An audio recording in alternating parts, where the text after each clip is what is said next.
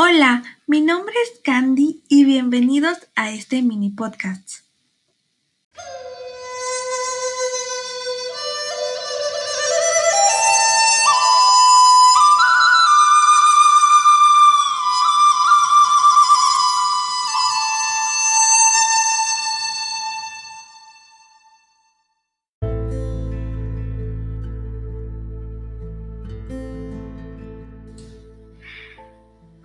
Hoy hablaremos del hecho histórico que conocemos desde la primaria, la guerra de los pasteles.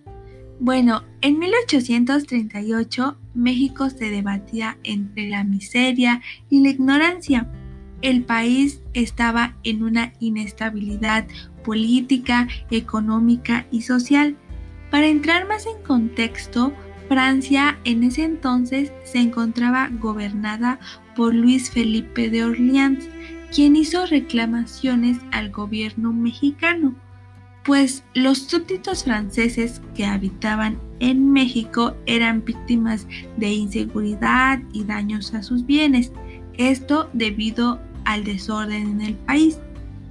Entre los franceses que reclamaban se encontraba el dueño de un restaurante, quien exigía una indemnización de 30 mil pesos debido a que un grupo de oficiales del ejército mexicano había comido unos pasteles y se había ido sin pagar la cuenta, razón por la cual se dio el conflicto que hoy conocemos como la guerra de los pasteles.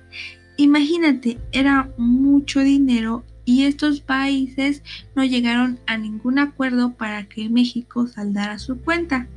Luego de todo esto, el 21 de marzo de 1838, la Armada francesa se presentó con 10 barcos de guerra en el país sin previa declaración de guerra.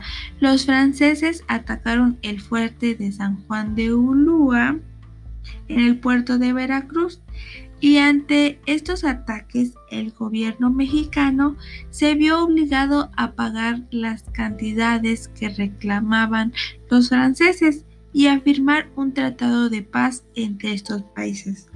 Y bueno, después de todo esto se calmaron las aguas entre los países Posteriormente, México llegó a un acuerdo de comercio y negociación con Francia.